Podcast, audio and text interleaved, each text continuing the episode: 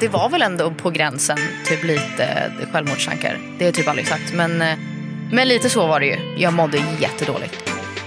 Välkommen till podcasten Brottabröder med mig Jimmy Lidberg. Och mig, Martin Lidberg. Dagens gäst har alltid gått sin egen väg och trots att hon mer eller mindre är född med en kamera upp i ansiktet så verkar det som hon har en slags hatkärlek till rampljuset. Vissa kallar det tydligen för räkmacka, men med en del igenkänningsfaktorer skulle jag snarare hävda det motsatta. Med kända föräldrar eller syskon blir man konstant jämförd och måste bevisa sig extra mycket för att få chansen. Hon valde artistkarriären och har fyllt stora konserter och, inte, och hon har inte bara en utan flera låtar som närmat sig eller har passerat 20 miljoner lyssningar på Spotify. Av vissa har hon varit ifrågasatt över sitt sätt att hantera känslor. En sak är i alla fall säker. Hon står alltid upp för det hon tycker är rätt och med en tuff rakhet men med en värdegrund i botten är hon något av ett typexempel på när det svenska mixas med det amerikanska. Idag är hon en hyllad artist och en framgångsrik influencer och poddare. Vi är otroligt tacksamma att ha dagens gäst här. Ingen mindre än Peg Parnevik. Välkommen till podden. Alltså, jag måste säga det är det bästa, den bästa introduktionen jag någonsin fått. Är det sant? Nej jag svär. Alltså, Visst det är bra? spot on och så snällt. Ja. Alltså verkligen. Wow. Men vi tycker tack, det tack, här tack. kan vi verkligen stå bakom. Men gud, jag, ska, jag kan copy-paste och skicka det till allt jag gör framöver. Alla, Vi alla skickar den, den till dig. Otroligt. Tack. Ja, men vi, eh, vi har ju alltid ett inslag i början sådär, Peg, och då bjuder vi våra gäster. Ja. Antingen så får de en riktig stänkare Nice. med alkohol. Nice. Det är inte så nice. som sakta men säkert kan bryta ner kropp och hälsa. Eller så tar man en grön drink från One Fits All som innehåller Otroligt. 43 verksamma ingredienser med så här frystorkade bär och grönsaker och frukter. nice. Som vi själva tar varje dag. Det är väldigt boostar. enkelt för det är färdigpaketerat. Så man häller bara ner den i ett glas eller en flaska och så får man i sig alla ingredienser. Alltså, sånt här finns ju verkligen i USA. Så att det här är typ min go-to. Jag Det är där det kommer här- ifrån. Men Va? nu finns det här i Sverige. Ah, Äntligen. alltså, One jag, fits all. För jag brukar alltid ta med mig till Sverige för att Ja. det, är så här, jag, det är det enda jag behöver på morgonen. Alltså, Och- jag älskar det. Så att jag tar jättegärna Ja, och tänk All. att 95 procent av alla nyttiga ämnen blir kvar i den här produkten när man frystorkar på Ja, sättet. så, ja. Trots att det eh, transporteras så långa sträckor. Gud, så Men eh, nice. då ska du få lite här i ett yes, glas. please. Nej, men det är, alltså, speciellt när, man, när jag giggar och typ reser. Och, Mm. Jag försöker alltid, för jag är så dålig på Och det är så att äta jobbigt så. det där. Ska man få i sig riktigt naturliga grejer? Ska Nej, man stå och göra en smoothie Ja. själv? Det är tidskrävande liksom. Yeah. Varsågod, Oh God, varsågod skål. Peg. Skål, skål. Skål. Jo, jag tänkte väl gå rakt på sak. Jag och eh, brorsan, vi fick ju äran att vara med i Parneviks. Länge sedan. Ja, länge sedan, men det var jättefina var det? Det minnen. var 2019. När var det? Men det kanske var det. Okej, inte så länge sedan. Men det känns ju som en Nej, det bubbla när man är där. Till, tror jag.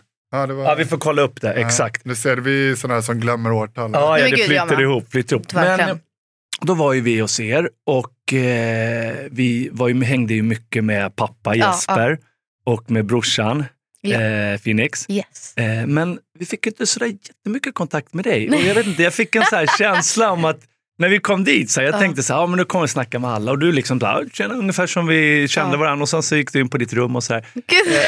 Men kändes det, känns det, jobb, kändes det jobbigt den här tiden att ha liksom gäster komma hem till ens hem? Så här, det skulle jag Mm. tycka. Ja, alltså jag tror att just då, i början så var det bara kul. Men jag tror att någon säsong in så började jag känna pressen av att det var lite, jag, jag tyckte att det var konstigt att hela tiden vara framför kamerorna och känna att gud, jag måste tänka på vad jag säger, jag måste tänka på hur jag ser ut, jag måste verkligen eh, men det är folk som kommer kolla på det här och ha en åsikt om mig. Så jag tror efter första säsongen då, då blev jag lite mer, jag har alltid varit ganska blyg, men jag blev mer av en introvert och var så här, alright, typ men det förstår jag men, verkligen. ja. Jag skulle inte vilja släppa in alltså, okända människor hem till mitt hem som är där Nej, i två, tre dagar. Nu bodde ni väldigt, väldigt stort så att det kunde Ja. ändå...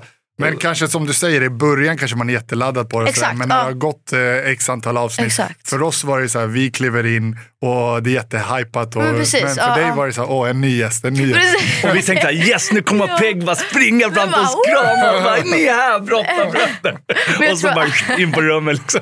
Exakt. Och också så här, jag tror, eller i och för sig jag var ju äldre, men ändå lite så här tonårskänsla. Att jag, hade, jag var väldigt instängd och så här, ja, men i min, inte att jag var rebell, men lite så, så här, emot mina föräldrar och så här, arg. Men hur, eh, vi var inne lite på det introt där eftersom Ja. eh, ni är födda med kamera mer eller Ja. mindre genomkända föräldrar och sådär. Men skulle du säga att, eh, hur skulle du beskriva rollen som du har i familjen, alltså i syskonskaran?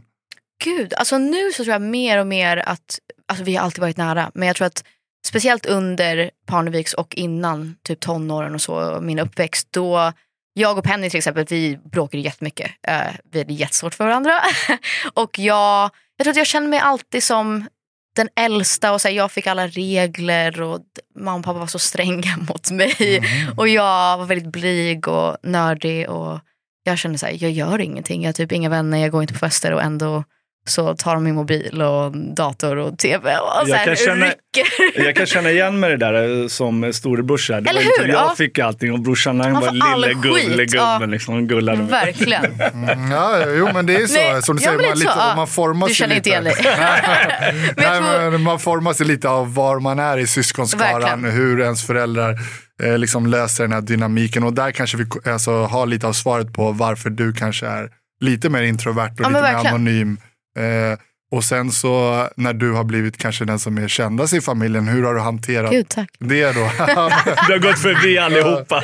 Nej, men hur har du då alla. hanterat det där att du, som du berättar själv, att du kanske inte hade det så naturligt att, att vara den som liksom tog plats? Och sådär. Nej, alltså det var ju mer Penny. Så att jag tror att jag kände också efter typ första säsongen när det blev på riktigt att okej det här sänds på tv och kollar på det, det är ändå populärt, de har en åsikt. Då blir man ju väldigt snabbt såhär, om du är så, du är den personen i familjen, du är jobbig Ja, eller man whatever. ett Ja, direkt, ja men ja. verkligen.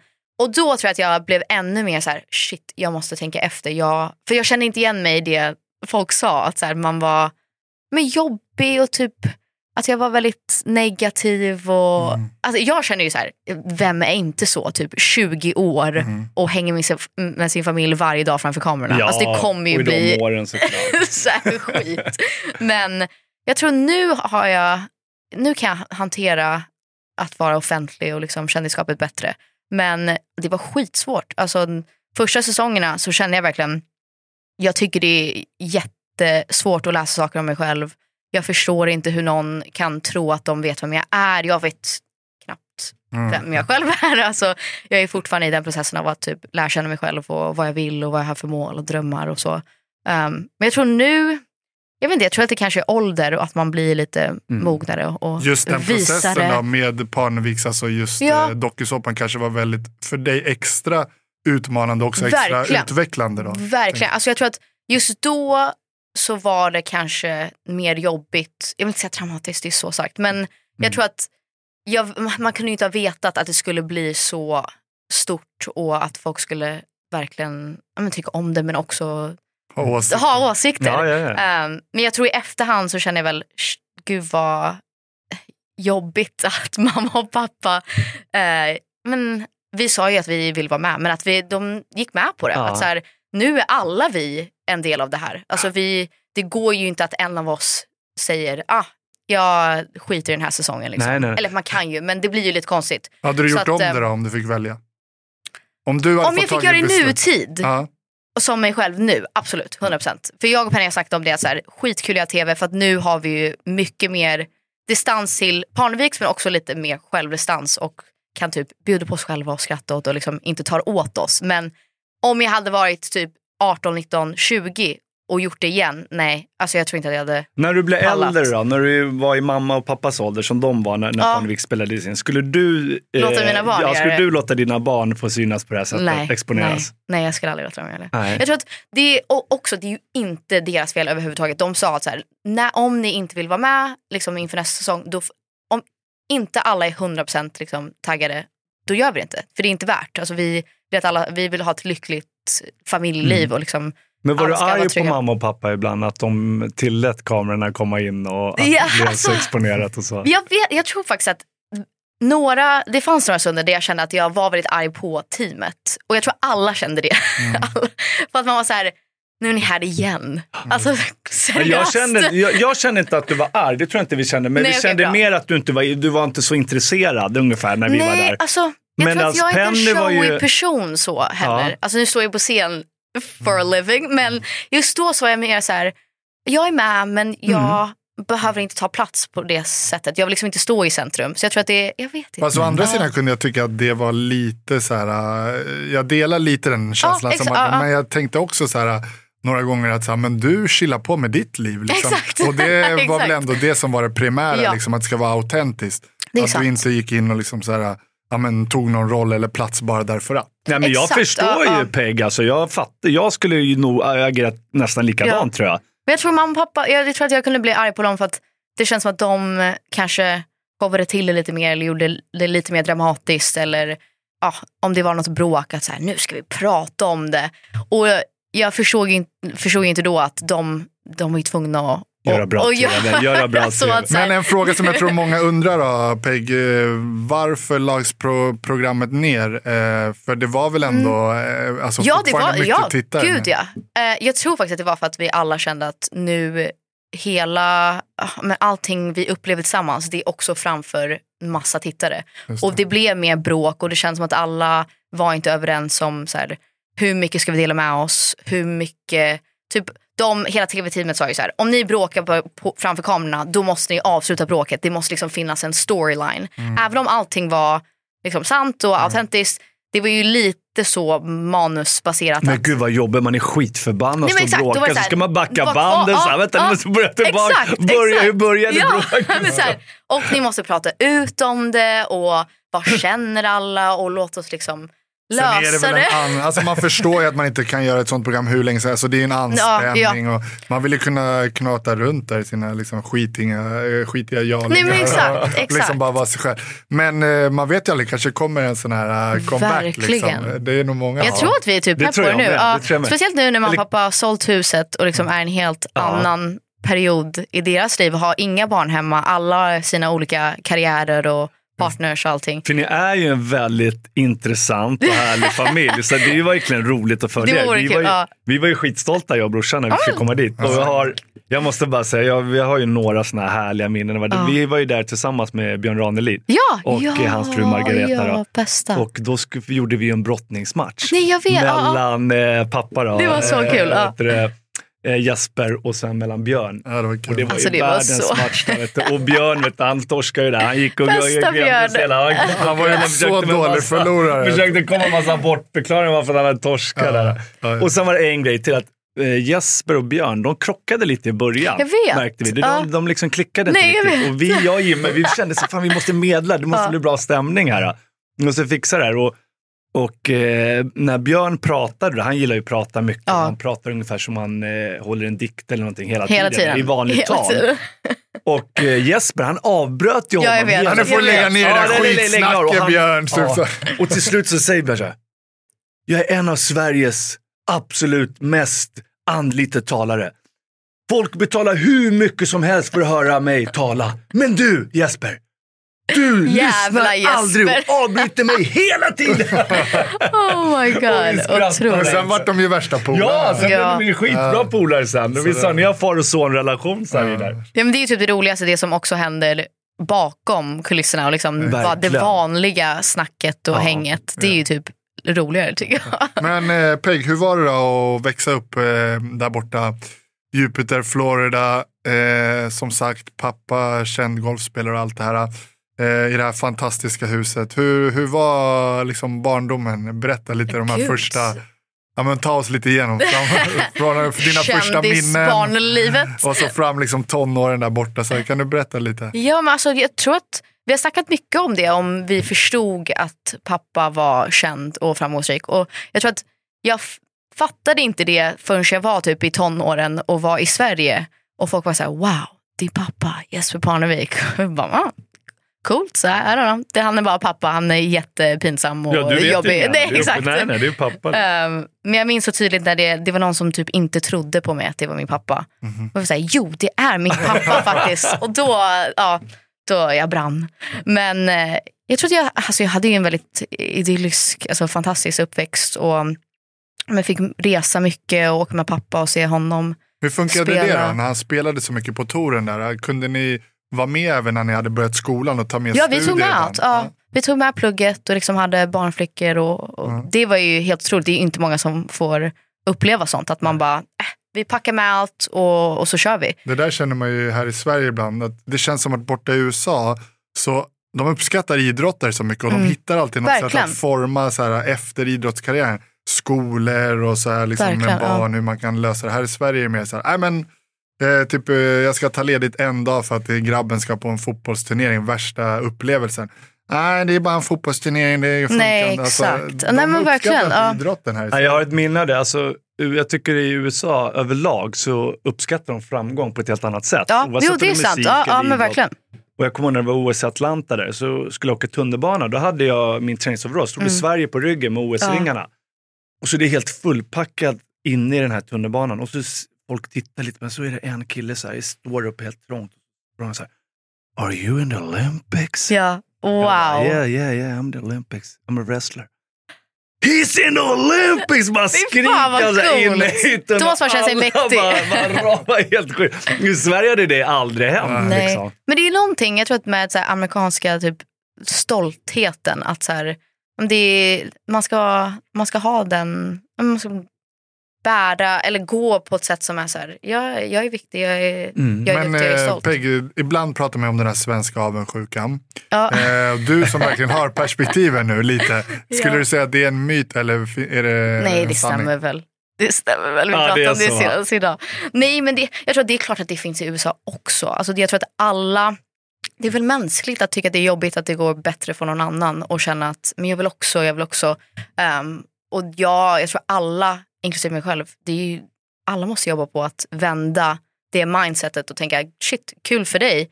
Jag vill också, så låt mig jobba för det. Eller... Och det behöver inte betyda att man vill att någon annan ska misslyckas. Nej, exakt. Utan exakt. att det blir mer påtagligt när man ser andra lyckas, att dit vill jag också Exakt, komma. och inspireras istället och Ja, liksom precis. förvandla det till någon sorts energi eller så här drivkraft. Men, Men, det är intressant om man nu ska generalisera. Om, vi nu, om det hade varit mätbart, om man Ja. säger att ja, men på en skala från 1 till 10 så ligger Sverige generellt sett på 8 på den här jag. Och så amerikanerna, Eller nio.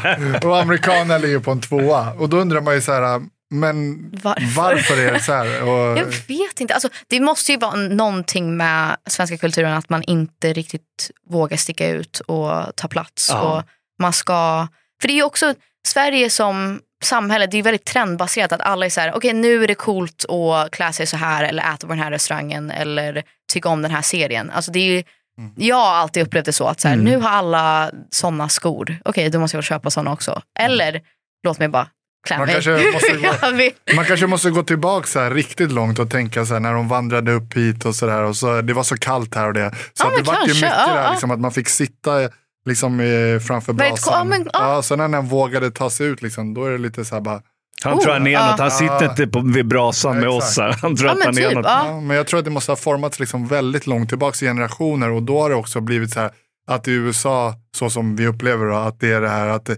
kolla på han, eh, jäklar vad duktig han är och så här. Och så vill man inspirera liksom, den bredvid sig genom att göra ett positivt exempel. Medan här blir det verkligen. lite tvärtom, att så här bara, ah, men du ska inte titta för mycket på det här. Exakt, Vem är ja. han? Vem tror han att han är eller hon är? Men där är det ju något positivt att sticka ut till skillnad Ja. mot här. Där, åh kolla, you can do it. Exakt, liksom. ja. Kolla, han har lyckats. The American dream. Liksom. Det är, Precis. Men det är nog det, the American dream och väldigt så här, patriotiskt. Att det är därför det är de, de På gott vill, och ont. Ja, på gott och ont. Men att, ja verkligen, det kan vara ibland väldigt kan de gå över lik problematiskt. också för att lyckas. absolut.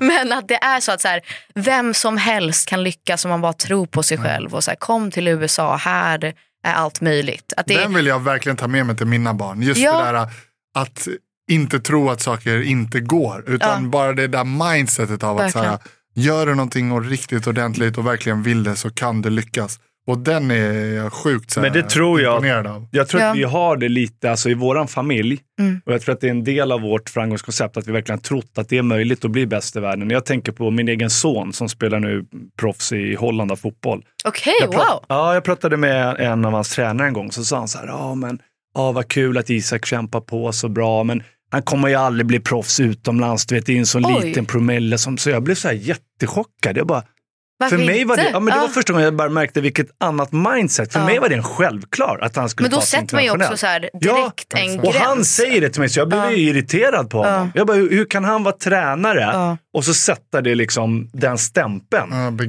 Ja, begränsning. Då ska, ja, Ja. precis. Så att, eh, Gud, och då är det om, om det är det han tror, då är det den energin han kommer att förmedla ut Exakt, exakt. Ja, men verkligen, verkligen. Jag tror att jag, det viktigaste som jag har lärt mig är också in, kanske inte tänka alltid att jag kommer vara bäst, men att låt mig liksom skifta perspektiv. Att så här, okej, det- jag lyckades inte den här gången, jag fick inte ettan på Spotify, whatever. Okej, nästa gång kanske. Vi Mm. får se. Att allting är möjligt ändå, men ibland så kanske man måste mm, så här, ja, skifta förväntningar Men det och känns som du energi. tänker väldigt internationellt. Alltså du tänker stort och, Ja, alltså och jag du är tänk- inte ja. Sverige bara, lilla Sverige, utan du tänker verkligen det är USA, det är världen som gäller. Sen vet man Verkligen, inte ja. hur långt man går, men är det inte lite så att du har det Gud mindsetet? ja, gud ja. Alltså jag brukar tänka, eh, jag älskar Sverige och jag älskar att jobba här och vara här. Men eh, jag tycker det är skönt att vara i USA för då känner jag, wow, gud vad stort det är. Lilla Sverige. Det är alltså, så coolt att få vara framgångsrik här och liksom vara på topplistan och sånt där och gigga. Och... Men Peg, nu måste jag fråga. Om man Ja. bor där borta Ja. i fantastiska Florida. Man har Varför sina, man- man har I sina föräldrar. världens eh, bästa hus. Okej, jag alltså. kan köpa det här med så här, ja, men jag har byggt hela min sociala bekantskapskrets Ja, här ja. och då fastnar man lätt. Ja. Men du hade ju allting där. Vad är det som gör att du har nu valt att flytta till Sverige? Alltså, jag är fortfarande typ 50-50. Så att jag, alltså, jag är typ lika mycket i USA som jag är i Sverige. Så att jag känner fortfarande att USA är mitt hem. Nu blir Sverige mer och mer mitt hem eftersom jag släpper musik på svenska. Men eh, jag vet inte, det är, det är någonting med det trygga Sverige. Jag vet inte. För vi blev tror- väldigt förvånade. Nej, alltså. När vi var hos er, alltså, ni bodde i världens finaste hus, Ja. egen strandtomt. Och, Men det kanske är det, för att vi har alltid haft det. Så att vi, vi är så bortskämda. Att Ja. vi bara, och jag och låt oss åka bara, till kalla Sverige. Men det Ja, kanske blir så att- rent ja. mentalt kanske det är så Ja. att det här är din egna grej fullt ut kanske på något sätt. Ja, att, eh, ja alltså, men lite så. jag och jag tror att när jag blivit äldre så har jag ju tänkt mycket på så här, min framtid och vart vill jag ha en familj och sådana där tråkiga saker. Men då har jag känt att jag kan typ inte riktigt känna igen mig i USA och allting som händer. ja, men och det tror jag är väldigt politiken och, och så. Nej. Men eh, jag älskar att vara i USA. Alltså, det är ju fortfarande verkligen hemma. Och jag Ja. känner varje gång jag är där, då känner jag mig så nära, speciellt när jag jobbar mycket i LA, att varje gång jag är i en session, då är man typ en person bort från Lady Gaga. Och sen kanske inte det betyder att jag kommer Nej, Nej, nej, träffa nej. Lady Gaga, men det känns som att Så mycket allting, närmare. ja men det är lite, lite större, lite larger du- than life. Så. Varje gång man klockan Ja. 14.30 tittar ut genom fönstret och det är snöstorm i ansiktet och kolsvart. De bara, Vad gör jag ah, här? vad i helvete håller jag på med? Nej, men det var ju helt, alltså, vi sa ju det när vi var, var hos er i, i, i Jupiter i Florida, så sa vi, gud vad jag skulle vilja bo här. Mm. ja. Klimatet och Men det är där, maten. Men ja. sen kan det vara skillnad att bo såklart och Jo. sen vara där på en, eh, som vi var Semester, en ja. semester eller vad man Eller jobb. Ja, eller jobb då, kombination. Men- Ja, jag tror om, kanske pensionera sig i, i Florida. Men eh, jag vet inte, det är någonting med Stockholm också som stad. Att det, det känns som att det är så mycket som händer, så många kreativa människor och man inspireras ganska mycket. Ja, jag älskar att vara här. Man har Men bra eh, Peg, energi. nu får du berätta för oss hur Ja. du kom in på det här med musiken. Oh. Nej, men jag har alltid älskat musik, jag har alltid sjungit. Um, men mest så som alla barn gör, att de kör sina shower framför familjen. Och jag och Penny sjöng på skolan och så här talent show. De där klassiska grejerna. Um, Körde ni ihop då eller? ja, vi körde faktiskt ihop. Ah, okay. Så att uh, Penny körade. Kan Då, Penny sjunga? Alltså nu kan hon inte sjunga. Nu har hon tappat det, jag vet inte vad som har hänt. Men nej, hon nej. kunde sjunga, hon var bra. Och, min, och Phoenix kan verkligen sjunga. Han är skitbra. Jag Ah, okej. är övertygad om att han, så här, du måste bli typ en Sean Mendes eller något. Men Ah, ja, han, ja. eh, han vägrar. Han ska bli skådespelare. Ja, han ska bli och skådis. Ah, det, han seriös. ska bli skådis, ja. kul. Ja. Han är lite svår. Ja. men, Men han har talangen som du har. Gud ja. Ja. Och jag tror att det är väl lite från farfar, Mm. tror jag. Om man ska, för det är ju inte från, pappa är ju musikalisk men mer så att han är intresserad av Bosse. Parnevik, Ja exakt. legenden. Ja, Ja. bästa. Men eh, pappa har ju alltid liksom gjort typ spellistor och så här, musiksatt olika videos, så här, hemma videos som han gjort från våra Typ när vi åkte skidor, alltså sånt. Men mamma kan ju fan inte sjunga. Alltså, Men det är från pappas dålig. sida ni har fått den här kreativa I sidan. guess. då. Ja, men ja, det måste ju vara det. Men Även eh, fast- vem upptäckte eller hur gick det till då? Egentligen så var det så att jag, jag pluggade och ville bli journalist och sen av en slump så gjorde vi programmet Barneviks. Ehm, och då tog ju allting fart och då kände jag att jag alltid skrivit texter, jag har alltid älskat att mm, bara uttrycka mig på det sättet. Men eh, jag kände att det är väl ganska galet att tro att jag kommer bli en popstjärna. Alltså här, jag pluggar i, i Georgia och sen nu ska jag bli nästa Miley Cyrus. Men eh, det var pappa som sa att om du verkligen liksom, vill testa och du tror på den här drömmen då måste du ju försöka. Alltså det, du har aldrig varit i en studio, du har aldrig sjungit på en scen på riktigt och du har aldrig testat så låt oss snacka med lite folk och se vem vi känner och så får vi se om du ens är bra Men han det. trodde på dig och mamma också i alla fall och Gud, ja. backade upp Alltså, dig. Det är ju det finaste och jag, som någon har gett oss men det är också att vi känner ju väldigt många och vi är väldigt privilegierade så att vi har det, den kontaktnätverken och allt så. Men jag tycker det är eh, så häftigt för alla ni verkar gå er egen väg. Om Ja, det är faktiskt konstigt, ja. För tittar man på då eh, farfar, Ja. Bosse Parnevik, han var komiker och Ja. imiterade och så vidare. Men sen så, eh, hans son då Jesper, han Nej, blir vet, ja. golfspelare. Det är så Men långt tror- alltså, och du ja. därifrån, du går till musiken. liksom. det är, Men jag tror Det att finns pappa... ingen logik ja, Och så ska Phoenix bli skådis. Nej, Ja, jag vet, precis. jag vet. Och Flippa är liksom så här väldigt modeintresserad. Jag tror att pappa sa att han började med golf för Mm. att han inte ville göra någonting ens likt vad farfar gjorde. Att det var så här, jag kommer inte vara, ah, liksom göra någonting i nöjesbranschen. Det måste vara Just det. v- helt raka motsatsen. Så att, men så känner inte jag. Jag tror att jag har alltid känt att musik, det är det jag vill göra.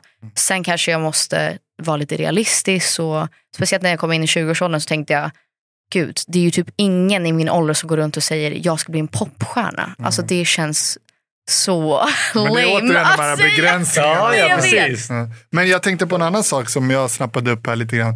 Att just den här, äh, okej att vara framgångsrik det är såklart en filosofisk fråga. Bara för att man eh, blir duktig inom någonting är det inte säkert att man, man är framgångsrik. Nej. Eh, Men om, vi nu, om man kollar på det som en framgång, att man blir riktigt duktig på någonting. Så det är ju samma nycklar lite grann. Det här. Jo. Till exempel vi har ju varit duktiga inom brottningen, eh, våra barn är duktiga inom något annat Mm. område. Men jag tror att man, det är vissa gemensamma nycklar. Ja. Oavsett om det är så att du blir duktig advokat, eller duktig skådespelare, eller duktig artist, idrottsman, idrottskvinna och så vidare. Eh, så är det vissa av de här nycklarna. Och vissa kan man inte riktigt ta på. Vissa är bara så här, det finns med i ens kultur och man ger det till sina barn eller nästa generation. Vissa har man snappat upp mer konkret och så här, kan passa Ja. vidare. Men tror inte det att det är... Ja, men Alltså, jag tror det är ja. mycket arv och... och Jag tror, det. alltså jag eh, tror att det jag har fått av min pappa tror jag mest är typ inställning och disciplin. Men. Även, jag tror alla jag känner som är framgångsrika, och det är som du säger, det är ju jättesvårt att mäta. Men alla är ju lite galna. Jag tror att det är typ... Ja, men de är beredda att kämpa Ja. och satsa. Man måste vara lite galen. Ja, men så här, våga sticka ut, våga... ähm, Så här, Jag tycker du sa, om man ser det som en hel nyckelknippa med Ja. massor, du sa två direkt och det Ja. var eh, disciplinerad och Ja. eh, vad sa du mer? Sticka ut. Ja, sticka ut och, Och eh, vara beredd Mm. att jobba Ja, hårt för verkligen. någonting. Och det är sådana här grejer, liksom så här, tre konkreta. Jag, jag kommer ihåg första gången jag var med dottern, min dotter Mm. håller på med friidrott, när hon hade kommit upp lite i den här åldern att det började bli lite större tävlingar. Ja. Då kommer jag ihåg att jag tog henne åt sidan, så satte jag henne så på läktaren och så sa jag så här, kolla Emelina, vad ser du när du tittar på de tjejerna som du ska, ska möta? Och då sa han, ah, vad menar du pappa? Och så sa, "Ja, men eh, kolla liksom, en sprang runt med en godisklubba i munnen och en eh, med en läskedryck och så här. Och så sa jag så här, bara på att du eh, gör några saker här lite, lite mer seriöst och lite mer noga än vad de gör. Bara den lilla, lilla grejen kommer göra skillnad i slutändan. Sen är det upp till dig om du vill göra det eller inte exakt, göra det. ja. Och men jag gav henne, planterade lite ett frö. Och det tog inte många tävlingar innan jag såg att hon hade liksom själv börjat titta hur andra framgångsrika friidrottare Ja. hade gjort. Hon hade lyssnat på mina råd. Och helt plötsligt så stod hon där nere och liksom så här förberedde sig mentalt, hade på värmer musik, hittade sina rutiner, började hitta sin uppvärmning. Och bara liksom på den där lilla liksom första nyckeln jag gav henne Ja. som hon kunde liksom växla vidare på. Så det är många sådana här grejer som är gemensamma nämnare. Har du, fått även- med dig, har du själv fått med dig vissa sådana nycklar från din pappa eller Oh. mamma som du kanske inte har tänkt på? Sådär?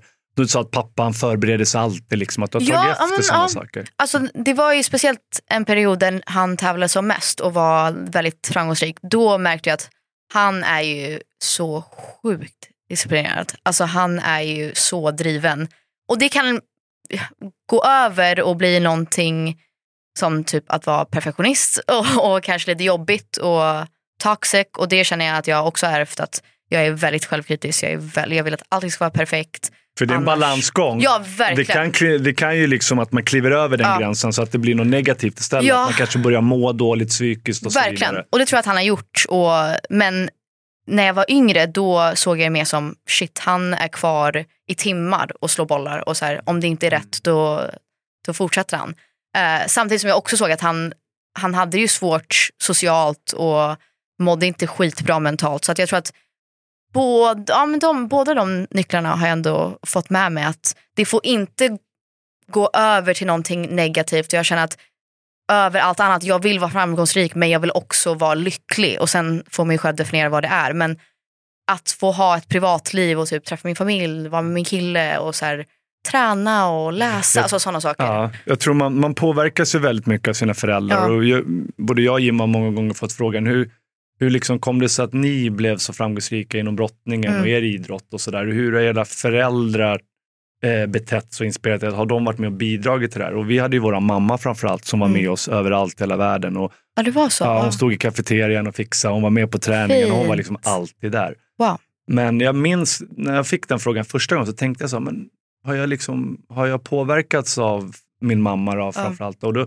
kom jag ihåg att hur det än gick, jag kunde liksom göra världens sämsta match, jag fick storstryk och jag kom från, jag frågade om att vara jätteledsen och sa mamma, gud vad duktig du kämpade Gud, mamma jättebra. Exakt Martin, likadant. ja, och det tror jag, för, att jag märkte att andra, då var det föräldrarna Ja. ibland kunde de men du gjorde inte det där bra, du borde ha Ja, gjort det det, där. så. ja. Men mamma var alltid sådär, att ja, men du kämpade bra. Liksom. Behöver inte, hon behöver inte Wow, ja. säga om själva prestationen. Du gjorde ditt bästa jättebra, vad duktig du var. Fin- Alltså, jag har aldrig reflekterat över det men det är så sant. Min mamma är exakt likadan. Och jag säger, gud mamma du fattar inte. Men jag tror en mix av båda kanske Mm. då. För att man ser ju så här äh, många, jag jobbar mycket med hockeyspelare till exempel. Många har kanske drivna föräldrar eller Ja. papper, ofta är det papper faktiskt, som kanske har varit duktiga själva. Och då kan de kanske kravställa, kanske så här, förhoppningsvis ha en balansgång mellan att, jag tror aldrig det funkar att pressa ett barn Nej. om de inte själva vill det. Ja. Men däremot kanske så här, eh, presentera Forma, vissa ja. nycklar, eh, pusha lite i baken, men sen också ha det här andra, komma hem till kanske, i det här fallet en mamma, det behöver inte vara en mamma, Men men, exakt, men som den- kanske är helt villkorslös. Ja, Liksom, ja. Så här, men oavsett prestation. Vi kanske inte fick eh, egentligen den andra delen, men där tror jag att våra tränare kom in och var de här Exakt, kravställarna. Och som, vi hade turen att ha några tränare som var bäst i världen, som var väldigt framgångsrika Okej, och ja. de kunde liksom ge de här nycklarna, kravställa från det hållet. Mamma stod lite mer för tryggheten. Och du kanske faktiskt fick lite dynamiken utan att du har tänkt på det själv. Nej, Både mellan ja. pappa och mamma där. Jag tror att de har ju aldrig ställt några krav eller sagt att så här, vi måste, för att det, det är många som frågar oss om vi är bra på golf. Och det, det är ju inte så kul att hålla på med golf när pappa har varit typ bäst i världen. Men eh, jag, hade ju en liten eh, ranch alltså, där på fy- vid huset. ja, ja. Alltså man har testat, det finns säkert någon alltså, lite naturlig talang. Men, eh, men jag känner så att han aldrig liksom lagt någon press på oss att vi ska göra, hålla på med sporter eller någonting Mm. egentligen. Bara att vi ska vara lyckliga. Eh, men jag tror att det är mer att jag har lärt mig av att bara kolla på hans karriär. Och, Där är du inne ja, på någonting. Man brukar ju säga det här, barn gör inte som man säger, barn gör som man gör. Exakt. Och bara av exakt. att man är med och tittar, då ser man automatiskt de här nycklarna vi pratar Ja. om och snappar upp. Så att jag menar, du har varit i en prestationsmiljö och en prestationsmiljö som dessutom har kärlek också. Då har du fått Exakt, ja, där, den dynamiken och så har du sett vad pappa har gjort eh, mycket och tagit Men det är också på gott och ont. För att jag märker på min egen är- växer man upp med en, i en familj, kanske där föräldrarna eller någon av föräldrarna varit väldigt framgångsrika, omedveten så får de höra av andra, man pratar kanske framgång så, här, så att Måste det kan också bli en väldigt, väldigt ja. press på Gud, ja. Vi brukar prata om det hemma, jag och min fru, så där, att vi ska tänka på det och inte prata Ja. för mycket prestation och sådär. Det kan också bli Det är väldigt höga krav. prestationsångesten och den är lite så här. Ja, det har jag. Ja, men det var, ja, exakt. Nej, jag Vem tror har inte haft det? Nej, jag vet. Men det är Men så jag- intressant för de gränsar till varandra. Att så blir du riktigt framgångsrik oftast så har du ju legat på gränsen. Du har varit utanför din comfort zone.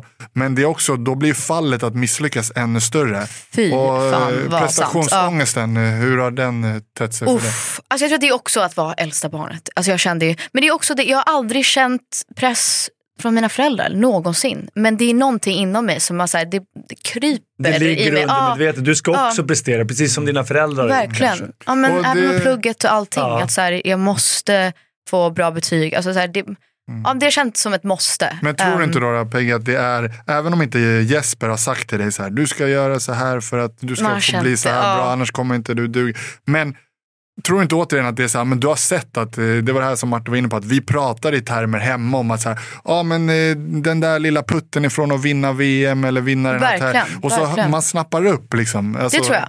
ändå. Och även nu, alltså det är coolt att vi har kunnat snacka om det mer i vuxen ålder. Och jag och Penny hade en konversation med vår pappa om just framgång och lycka och allt sånt där. Att han sa ju, antingen kan du vara framgångsrik eller så kan du vara lycklig. Du kan liksom inte vara båda. Det är nu i Jäkligt intressant. Som han har ja, men liksom kommit ikapp och så här, fått uppleva mycket med oss barn och men, verkligen ta igen. För att annars, eller innan så var det ju verkligen så att okej vi följer med men han är ju där för att jobba och Ja. vi är ju där för att annars kommer vi inte träffa honom eh, typ i flera veckor. Men eh, det, det fanns ju liksom inget mellanläge. Det, var, det gick inte att vara, ja men jag är en pappa som går på alla era så här, cheerleading grejer Mm. och var bäst. Det, det fanns liksom inte. Nej, man, må- så ska man bli bäst så måste man ju Nej, försöka. alltså, det var ju ja. som vi, vi var ju nästan aldrig hemma och man försökade tid när barnen, med Ja. barnen när, när de var små.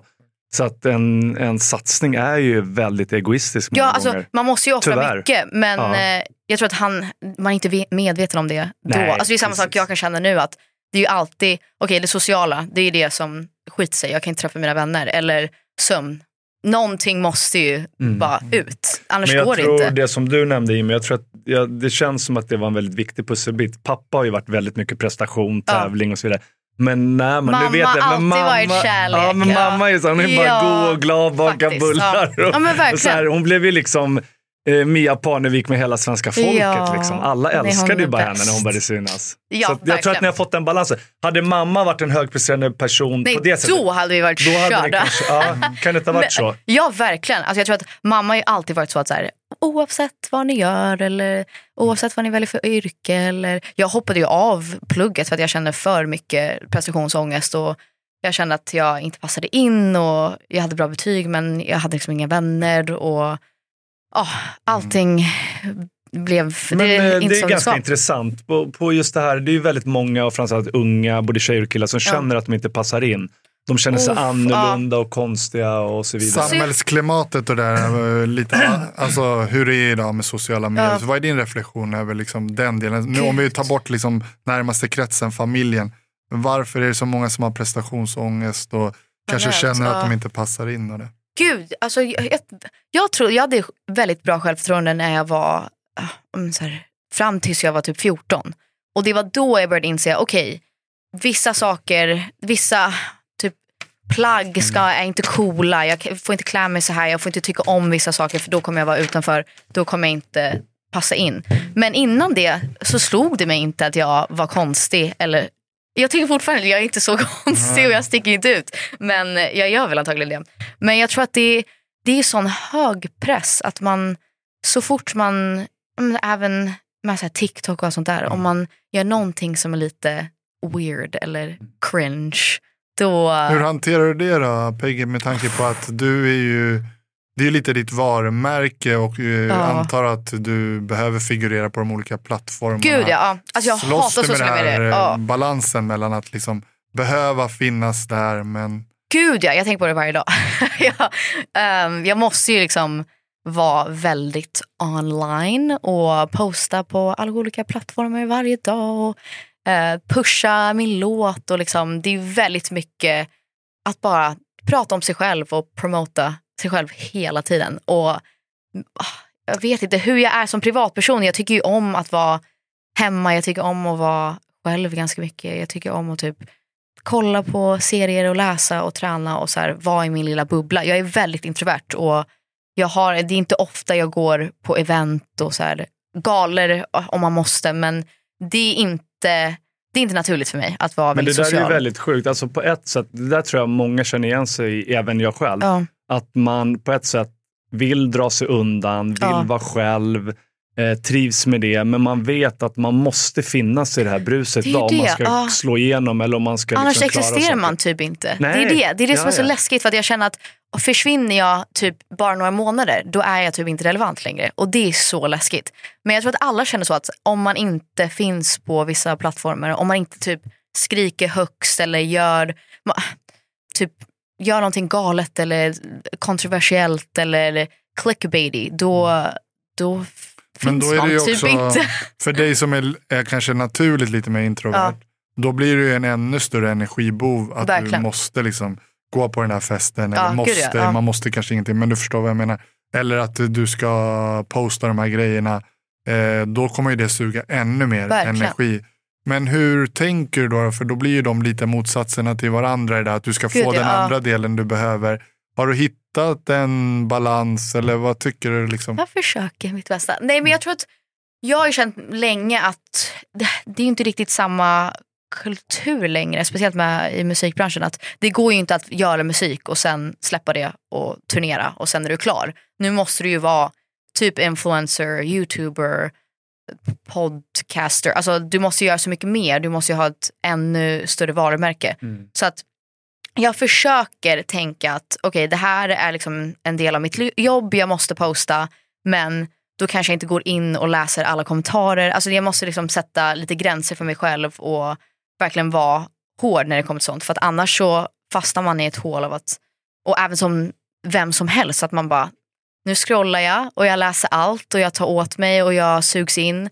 Att okej men jag postar det här, jag kanske skriver med lite folk och sen så, nu ska jag gå. Stänga av lite. Ja men stäng av. Och Vad är dina bästa tips då till den här unga tjejen som kanske ska gå i något liknande fotspår som Ja. dig? Hon är på väg upp, eh, hon har precis liksom hamnat i rampljuset, eh, hon figurerar på influencer Gud vad svårt. Det där Nej, är svårt. åh, Samtidigt som du- jävlar. Samtidigt Eh, som du kanske skulle vilja säga till den här tjejen, gå inte den här Nej, exakt. vägen. Så måste hon Spring. kanske göra den Ja. vägen, gå den vägen ändå ja, för att lyckas. Det tror jag. Ja men det tror jag. Alltså jag tror att ah, mina bästa tips, det är väl egentligen det jag har lärt mig bara typ senaste året är att dels att jag typ inte behöver bevisa något för någon. Även om det är klart det är en del av mitt jobb att jag ska liksom bevisa att jag är en bra artist eller liksom kan skriva bra låtar. Att jag måste liksom inte förklara det för någon. Att om någon tycker att jag har en dålig låt, okej då tycker du det. Varför Tog du jag åt gå... det mer tidigare då? Eller? Ja, då, tog, då kunde det vara så här, nej men det är en bra låt och det här, nu ska jag förklara varför. Och nu känner jag att okej, det är din åsikt. Um, samma sak som nu, senaste tiden har varit mycket i media om att typ, jag är så bitter och negativ människa och jag gnäller mycket, tycker folk. För att jag ja, men, tar upp någonting sexistiskt eller eh, känner att men det, det är faktiskt mycket att jag, jag känner att om, typ som nu, ni bjuder in mig, vi ska snacka om mitt liv och vem jag är och vad jag gör nu. Fråga saker om mig då. Vi kan prata om min familj också. Men vad, ni måste ändå tycka att jag är intressant nog att jag får vara här. Och Så inte att, bara prata om Jesper. nej exakt, alltså inte bara. Det är också kul. Men, eh, men låtsas typ att jag, är, jag duger. Bara Det hände, det hände väl dig lite grann när du var med i Carina Bergf- hos Carina Ja, alltså det har Bergfeldt? blivit, jag har inte velat kommentera på det. Det var Penny som startade hela det här jävla dramat. Men Jävla hon, Penny. Alltså, hon blev väldigt upprörd och hon var så här, gud vad tråkigt att du, du fick Hennes inte... talkshow Ja, som går i alltså så här, SVT. exakt, eller hur? ja. Och där eh, kom du, du var inbjuden som gäst Ja. för att, att informera gästerna här.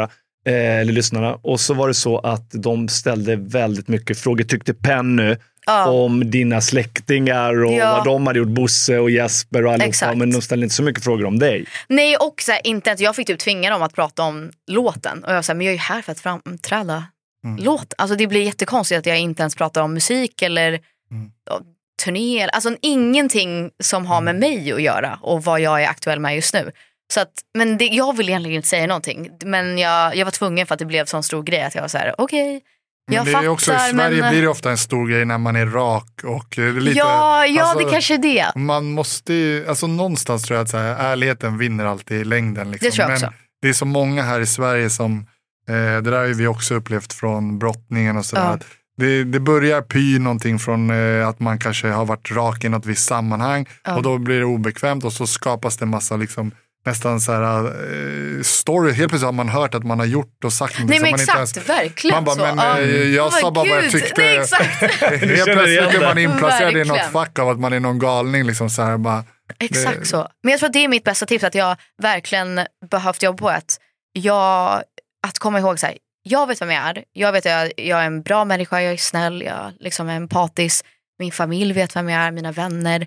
Sen måste inte jag liksom gå, gå till alla och säga och övertala dem att så här, jag är bra, jag är snäll, jag är inte bitter, jag är Nej. inte galen. Så. Nej, men jag tror så här, Peg, alltså, man kan ju inte vara älskad av Nej, man alla. kan inte det. det. går ju inte, tyvärr inte. Nej. Eh, och sen tror jag att man måste skärma av alltså, Ja, när man det. blir offentlig. För det, det är Ja. ju alltid folk som kommer att tycka och säga saker. Och det är många gånger när man blir offentlig så får ju folk en bild av en via media, men Ja, de har ingen aning om vem du är, Verkligen. vad du står Exakt, för och så ja. vidare. Men jag tror att, vara, att alltid tänka att, så här, men, att vara autentisk. Alltså, är, Mm. Känns det här rätt? Är det här, får jag en bra magkänsla? Okej, då Mm. gör du nog Sen det här någonting bra. klassiska att får man tusen positiva kommentarer så får man det en negativ. ja. Och det är samma sak när man jobbar med business. Har du liksom tusen nöjda kunder så får du en negativ. Då är det så missnöjd. "Åh, jag Ja. måste, jag och då måste. hörs den mer, går in mer i själen, pratar, alltså sprider det där negativa hårdare än vad de där tusen på. Så jag tror att inom psykologin brukar man ju tala om acceptal, eller max, eh, vad heter det, total acceptans. Ja. Att man, liksom, man måste någonstans acceptera att så här, Ja, men som du sa, om en person inte tycker om min låt, ja. du kan eh, filosofera för dig själv och säga, ja, men antingen så är de bara svartsjuka på att det där egentligen är en jävligt bra låt Ja. och de skulle vilja gjort den här låten själv. Eller så tycker de inte att den är bra. Oavsett vad så måste jag bara acceptera Exakt. att den här personen sitter där och är bitter. Ja, Och så bara låta det rinna av lite. För så fort man bara tar emot allting, det är då man börjar må dåligt.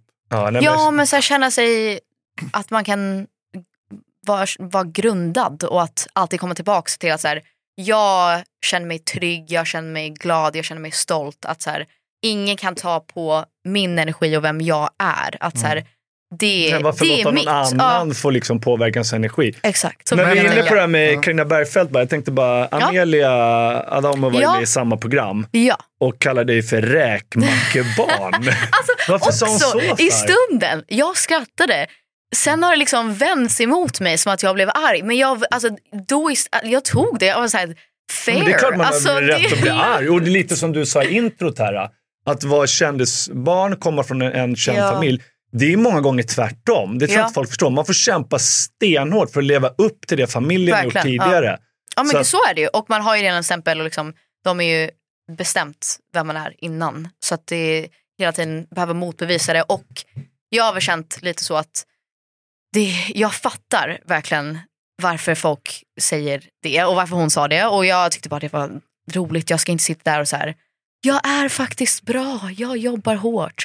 Men, eh, Du kunde hålla med om vissa delar kanske? Ja, men jag tycker det är kom- alltså, det vore ju konstigt om jag skulle Mm. säga nej så är det inte. Det, det är klart, pappa har varit känd och framgångsrik och farfar med och det har ju gett mig en fördel, absolut. Men jag har ju känt att jag har kommit in i vissa rum och behövt vara typ lite mer talangfull Mm. eller charmigare eller roligare eller snyggare. Eller så här, jag, jag måste vara allt och lite till och om jag inte är det, ja då, ah, ja, det var exakt som vi tänkte. Mm. Hon nej, hon är inte så bra.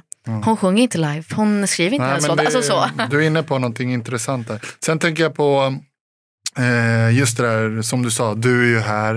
Eh, du, har, eh, eh, du är väldigt intressant som person. men tackar, eftersom det finns, tackar. Nej, men Ja, men eftersom, jag tror också för att du är som du är. Du har varit lite introvert och så här, Ja. människor som är som en öppen bok bara. Ja. Och sen, där är, vet man ju allt om, men det ja. får man ibland dra ut. Ja, men det var just det jag skulle komma in på. Att ju, just eftersom det är så, Ja. så kanske det blir att du själv ibland tacklar undan någonting och så helt är plötsligt så ja. pratar man kanske helt plötsligt om din pappa eller någonting annat. Ja. Och jag känner igen det där.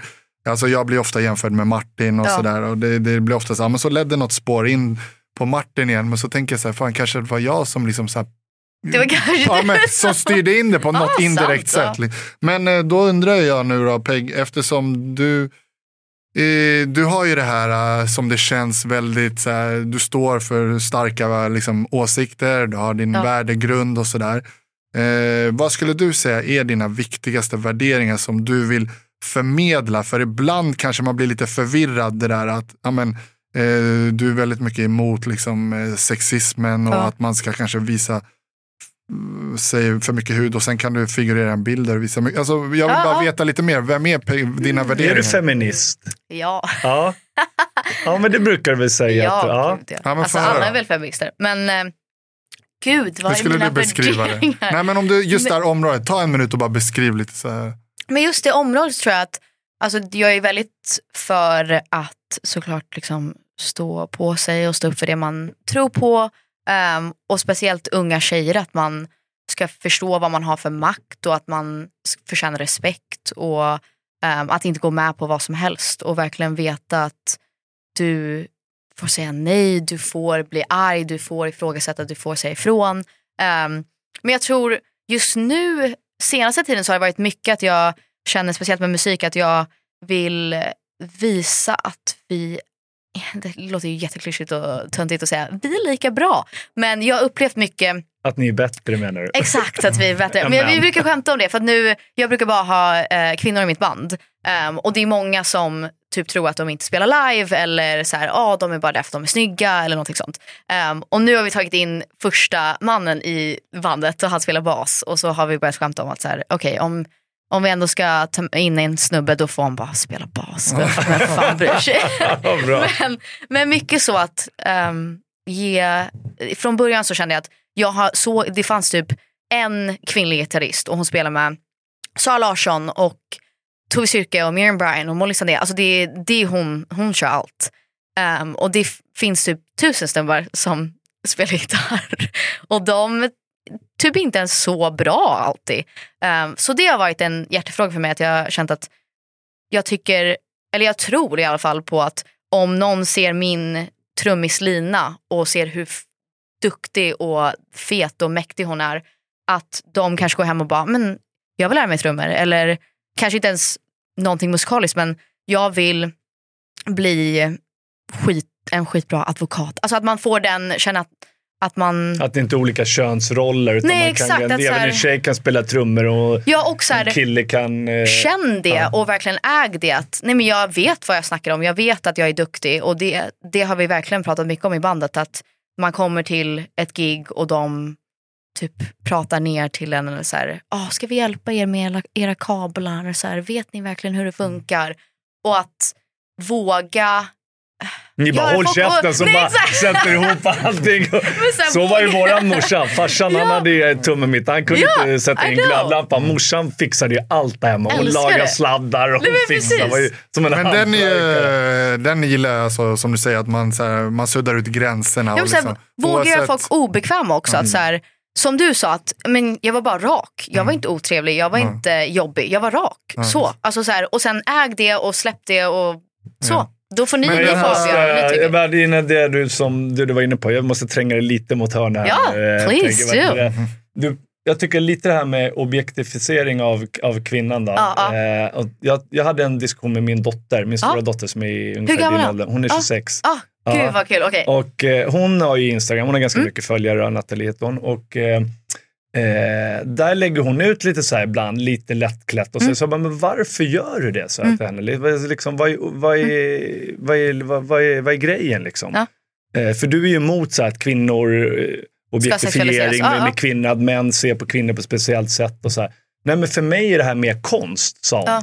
Hon, hon gillar ju bilder och sådär, men jag bara, men så kanske inte män ser det. När du lägger ut en Nej. lättklädd bild på dig Fast själv, för- då är du med och bidrar till det här som du Ja. säger, som du sen är emot. Fast är hon verkligen det? Är det inte bara att det är egentligen eh, från det andra hållet, det är den som betraktar Exakt, jag tänkte som- precis säga, Jo, för mig det är är det så- det är svårt. så hon Annars måste vi typ täcka oss.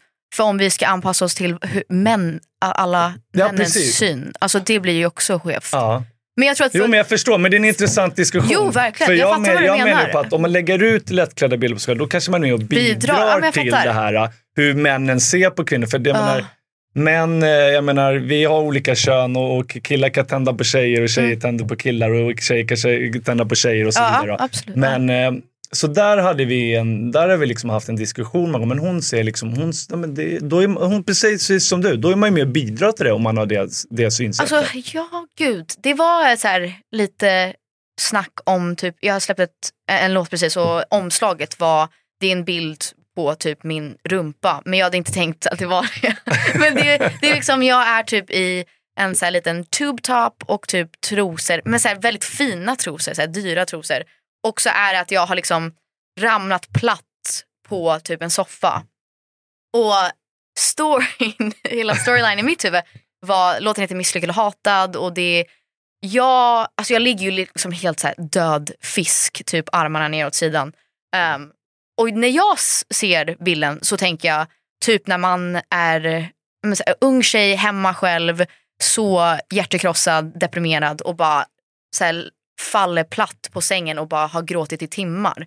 Det var den, så att Det finns liksom ett syfte med bilden och Ja men också budskap. för mig så fanns liksom ingenting sexigt eller sexuellt överhuvudtaget med bilden. Så att jag blev så förvånad när folk var så här, gud, vad, vad är det här för omslag? Och jag var så här, shit, jag, jag har ett helt annat narrativ i mitt huvud. Mm. Så att jag tror att det är väl också vad man har för intention med saker. Att så här, när jag lägger ut, för typ, min pappa har ju lagt ut när han typ badar bastu och är naken. Och det är ju ingen som reagerar på det. Men om vi jag skulle... också, eh, Ja, men Vi exakt, har också ja. lagt ut lite lättklätt när vi tränar och grejer. Ja, Ska men vi dra följare till vår Instagram nu? Nej, men, eh. Hörru, lägg upp den i kallingar. det finns ju en här. Ja. Nej, men vet du, det, det är ju inte så svart eller vitt såklart. Nej, alltså det är ju För väldigt då tänker man från svårt. andra Ja. hållet. Ja, om man ska ja. vara ärlig nu, om vi ska fortsätta trycka in det i törna. Så är det så, ja, men om du då lägger upp den där Mm. lättklädda bilden. Eh, hade det verkligen varit så kul att lägga upp den om typ ingen hade brytt sig om du hade varit ensam kvar eh, på Ja, jorden. så. Någonstans så, Fast så tror jag att jag hade gjort det ännu mer. Då hade jag bara, nu kör vi. Alltså, jag, tror Det var att, bra svar. jag tror min inställning är så här, jag ser inte, om inte, eh, det är klart ibland så vill jag liksom känna mig attraktiv och snygg och så. Det är ju bara mänskligt. Men jag tror att det är väl vad det, vad det finns för syfte och intention. Och jag kan inte kontrollera hur någon annan reagerar men jag skulle vilja att alla är i ett neutralt läge, det går ju inte. Men när jag ser någons kropp, jag tänker inte direkt, åh sexigt, du har verkligen, du försöker locka mig. Det är liksom inte hur jag går runt Nej. och lever mitt liv. Det är kanske för att jag har behövt jobba bort det. Men om jag ser, eh, jag tror att det, det är bara... Men om du lägger upp en sån bild då, är det Ja. inte... Jag finns inte någon inte- eh, liksom uns av bekräftelsebehov i det? Liksom att ändå... Fast då är det ju typ sociala medier generellt. För att jag tror att allting jag lägger ut, det är klart man vill att det ska gå bra. Mm. Men jag tror, jag tror inte att jag, kanske innan, men jag tror inte nu att jag känner så här, låt mig lägga ut någonting lä- lättklätt för att det kommer få bättre Men jag- likes. Men jag pratade Men- med en annan kvinna om Ja. det. Som, hon hade en helt annan syn, men hon sa att varje gång jag lägger ut något Mm. lättklätt, då får jag så många fler följare. Är sa hon. ja. Ja. Och när jag får fler jag får det följare. tvärtom, jag får ja, hat.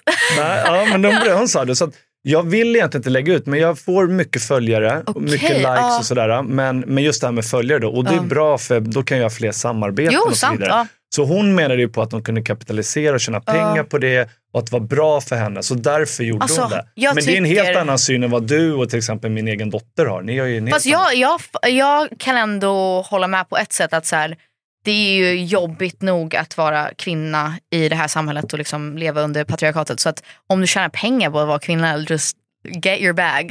alltså, go off. Men, Ja, men det är en svår fråga. För samtidigt ska man inte vara med och bidra till det här. äh, Nej, jag och, men samtidigt så gör man ju det på ett sätt också. Så Men, det, ah, det är svårt för att jag känner att så här, det blir lite moment 22 på något sätt. Är det också- ja, att man, jag visar upp min kropp eller är det bara att jag har just den här kroppen? Är det liksom att jag visar upp mina bröst eller råkar de bara vara på min kropp? Alltså, det är inte så mycket som jag kan bestämma. Alltså, jag kan inte kontrollera vad som visas. Min mamma lägger ju, kan ju lägga ut också när hon typ badar naken. Mm. Men det är inte som att hon, folk säger till henne så här, gud, ha lite självrespekt. Mm. Alltså, jag tror att det beror på jag vet inte, det beror på person, personen vad man står för. Jag tror att folk men det är intressant från båda hållen. För har man en kropp som anses i samhället vara en snygg kropp. Precis, ja, Då precis, helt ja. plötsligt så ska vad heter det, man kunna, det gäller ju även män, ju, ta emot liksom, Men objektifieringskommentarer. Men om du har någonting som i samhällets ögon inte anses lika attraktivt, då ska det någonstans kanske bara vara så åh vad eh, spontan hon verkar vara. Eller då blir det så nästan bara positivt. Vet du, Mm, det är faktiskt, många som faktiskt. jag, för att jag, jag minns att. Penny har lagt ut någonting, ehm, typ hon, var bara, hon tänkte, ah, jag är på stranden. Och då fick hon många kommentarer att hon var så eh, modig. hon var så här, jaha, vad har, vad har jag gjort? Eller har jag en annorlunda kropp än vad jag tänkte? Jag tänkte bara, jag är mig själv. Och de var så här, wow, starkt gjort. Och hon bara, gud, Mm. kanske måste tänka efter. Har jag liksom gjort någonting utöver det vanliga? Så jag tror att det är ju också så att absolut om en så här Victoria's Secret model lägger ut någonting och hon är lättklädd, okej, sexy. Men om en person som har en tjock kropp lägger ut en sån bild, exakt samma pose, då, då är det ju inte så positivt. Och, eller det beror på vad man ser som positivt. Men det är ju inte samma reaktion. Så att det är också, det har ju någon... sen vi la ju upp en bild med eh, vi la ju upp en bild med Penny. Eh, Just när vi det, var ja, hemma ja. henne, när vi lyfte henne du och Nej, jag. Vi står i ja. badbyxor så lyfter vi henne och hon har, bikini det. på sig. Ja. Så den på ett sätt, den blev ju mera, det, där Ja. tänker inte folk att det är liksom Nej men det är objektifierat Nej på exakt, så sätt. exakt. Utan Då är det ju bara att ni har lite kul och haha, Ja. typ så. Så att, mm, jag tror Vad tänker du lite- om eh, killarnas eh, roll då? Om man tänker på, tror att det är många män som också mår dåligt på samma sätt av en, Gud ja, Alltså det här att man ska verkligen. vara på ett visst sätt. Eller Minst lika mycket, men det är bara att man inte pratar om det. Så att jag tror att det är ju upp till alla, men jag tror speciellt män, att man ska verkligen ha sådana här konversationer och ta upp det. För att det här till exempel, jag har aldrig hört så många killar prata om det här i en podd. Alltså aldrig. Jag tror att speciellt nu är det ju jobbigare än någonsin att vara ung person med sociala medier och pressen och liksom världen. Men jag tror att det är, jag tycker det är asballt att typ min pappa, han har aldrig haft sådana konversationer med oss om att men, Ja, men det är nog från- viktigt att man ja, kan sitta så här, både män och kvinnor och sen olika Verkligen. åldrar som vi är. Men det är coolt att ni tar upp det och jag tror att det är ju så länge vi fortsätter prata om det och liksom försöker hitta lösningar så tror jag att det går åt rätt håll. Men jag tror att man måste bara bryta den tabun och känna att det Ska vi flytta på något? Nej men, eh, Mm.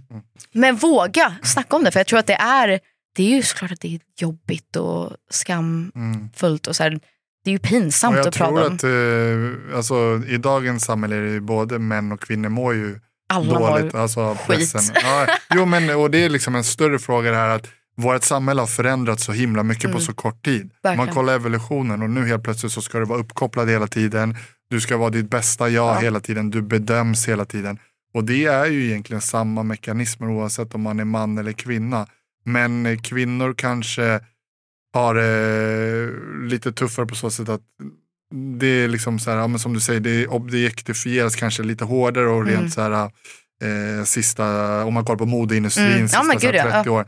Så det har eskalerat ännu hårdare för kvinnor. Men jag tror att det är ett problem bland både män och kvinnor och jag tror att män är sämre på att prata om det.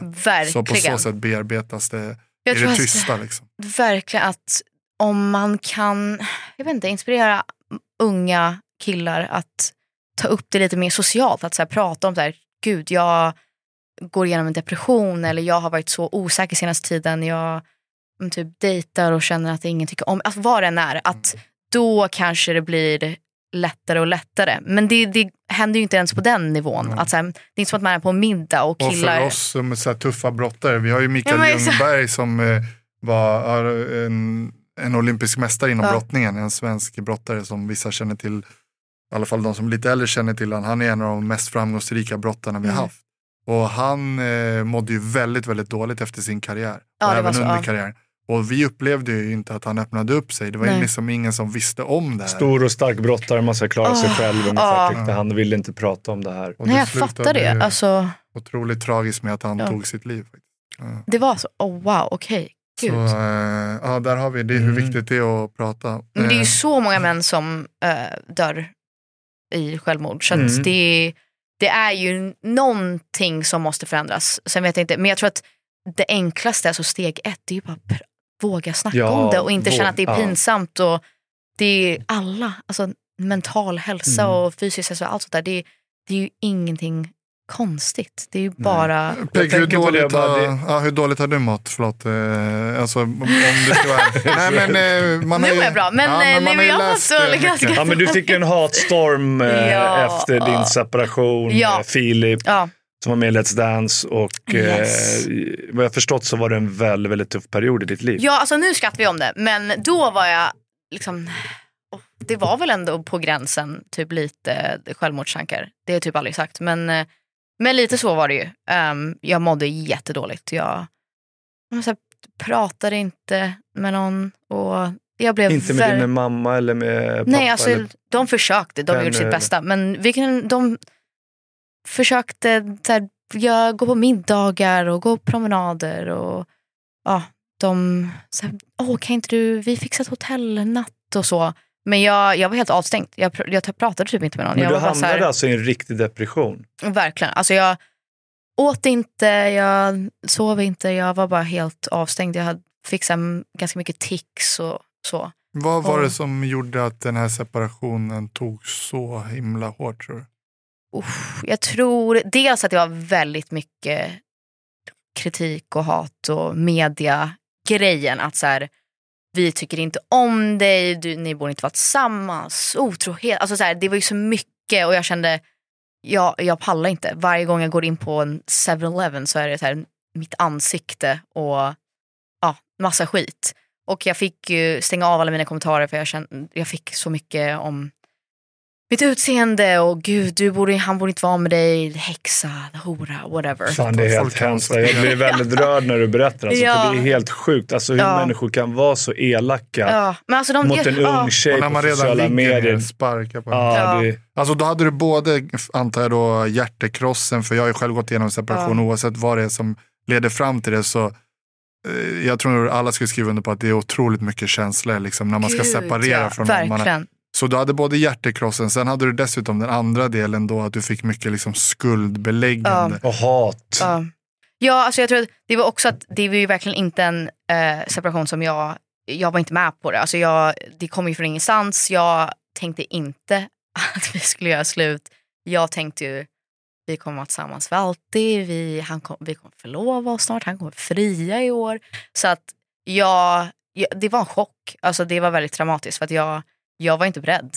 Har du berättat någon gång Eppe? Vill du dela det? Eller hur, alltså exakt hur det gick till? eller? Alltså jag har en låt om det men nej, jag har För det har väl varit en del av din bearbetning också? Ja, ja, gud, jag skrev en hel. EP om det. Ehm, och han, han hörde den och fick höra den innan så att han, han tyckte det var skitbra. Men, eh, och jag tycker det är några av de bästa låtarna jag någonsin skrivit. Men jag skrev en låt som heter The End.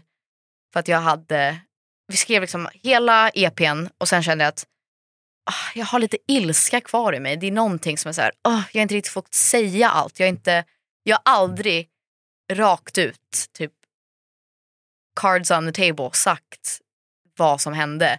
Um, men det är också så här, jag vet inte 100% vad som hände. För att det, han gjorde slut med mig, jag var inte ens i Sverige, jag var i USA.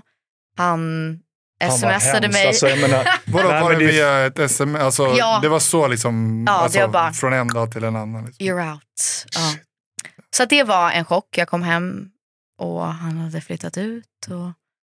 Ja, det var väldigt så här, tror du att han träff, hade träffat någon annan eller tror du att ingen bara var... aning. Alltså jag har fortfarande, vi har aldrig pratat om det. Efter det, vi, vi försökte vara vänner men vi, sen dess det har gått år, eller inte år. Men men shit typ ett vad hemskt. Alltså, man är tillsammans, hur många år var ni tillsammans? Sex år. Sex år och ja. så förälskad och alltid på tipptopp och så är man med i ett program Ja. och så man ser bara den andra på tv kanske. Ja. Och så rätt vad det får man ett sms där är slut. Det måste alltså. Nej men det måste ju vara helt Nej det var galet. Alltså, då, hela min världsbild förändrades ju. För att jag tänkte ju, det här är min partner, det här är liksom personen i mitt liv, det här är en del av min familj. Så att när det hände så ringde jag min mamma och var så här, ja han har gjort slut med mig. Och hon blev arg på mig. Hon satt i bilen och hon var så här, sluta, så här, skämta inte, vadå, vad har du gjort? Och jag bara, nej alltså jag vet inte vad som händer, så här, jag, jag är lika förvirrad. Hon bara, men lägg av, så här, vad, vad händer? Vad händer? Vad, liksom, bråkar ni? Och jag bara nej. Det gick från att jag älskar dig, det här kommer bli så bra, så här, efter det här så kommer allting lösa sig till jag tror vi borde göra slut. Och det är den här, äh, jag tror att Roligt. Gud vad outar mig Ja, men, nu. ja, men jag måste bara säga, nej men tack att du öppnar Tack för att det. du Ja, öppnade. Peg, verkligen. Men jag bara känner att, nu känner inte jag Filip så, men jag tycker att det är väldigt, väldigt oschysst och fegt och vad man nu ska Ja. säga, att göra på det. Att inte ringa upp efter sex års förhållande Ja, och jag är ledsen, jag har inte känslor för dig längre, eller det här har hänt. Och, och ja vidare. alltså Det vad som helst egentligen. Speciellt efter den typ mediaresan att så här, folk tyckte verkligen inte om mig och de tyckte så här, en person som honom, att han är så härlig och fin och gud så god och går med på allt.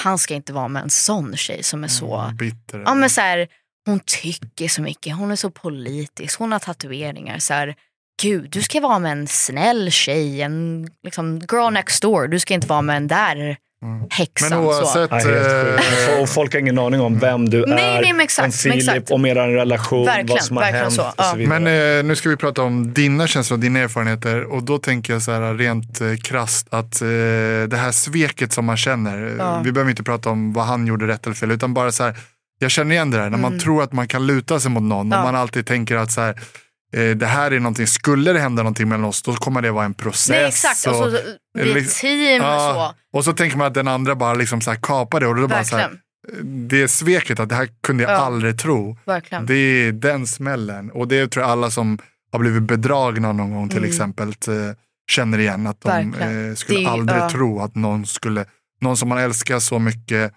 har levt med på det sättet skulle kunna eh, göra en sån grej. Och det här är ju lite samma sak, att, du bara, att det tar slut så abrupt. Men jag måste fråga, eh, just eh, det som hände då i den här Let's Dance-grejen och sådär.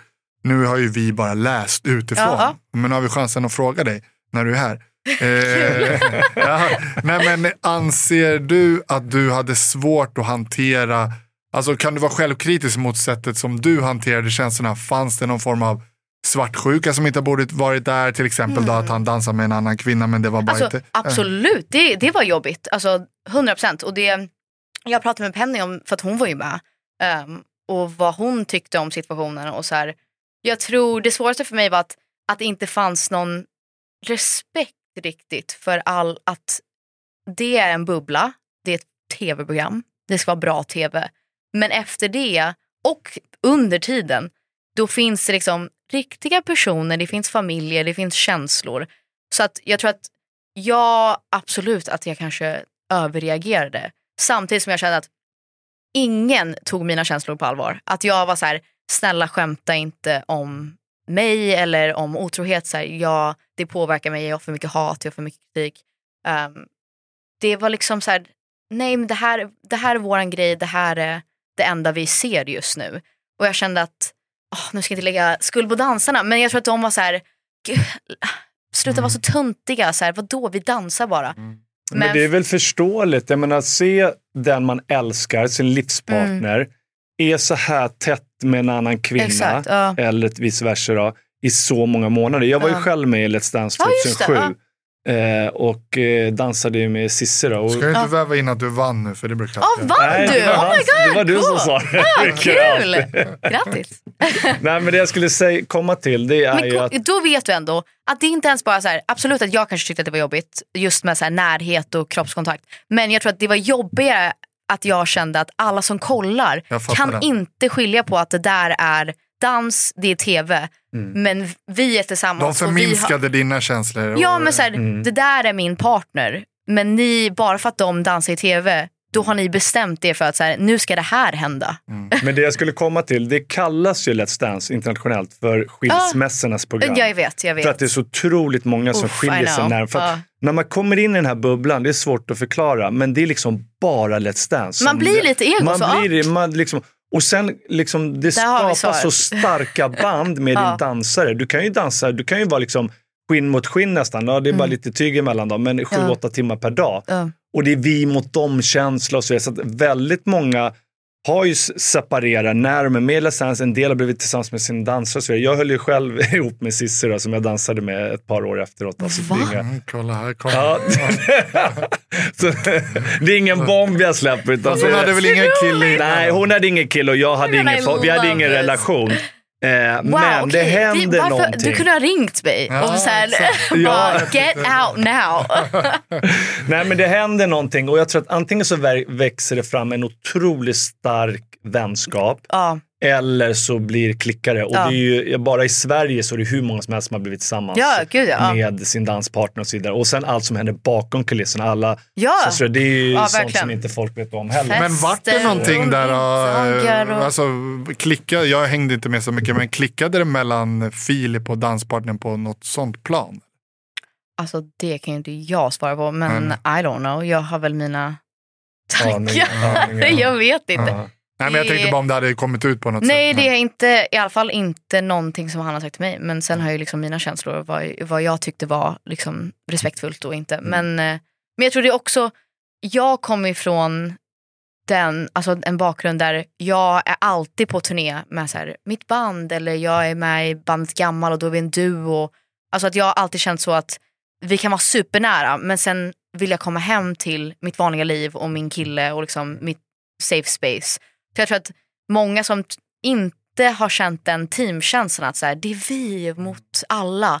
Då, jag vet inte, jag, jag hade så svårt att, att inte liksom säga att så här, men det här går över, det här är liksom en period i Jag ditt liv. Det är en fas. där. Alltså så. Och vet du vad jag tror är fina med det där? Jag tror du har den här uh, alltså delen, för jag känner igen mig i det där att när man verkligen ger allt till en Ja. annan människa, då är det det här, det teamet är så otroligt viktigt. För jag kan säga vissa av mina vänner som har en relation och de har en fin relation med sin Mm.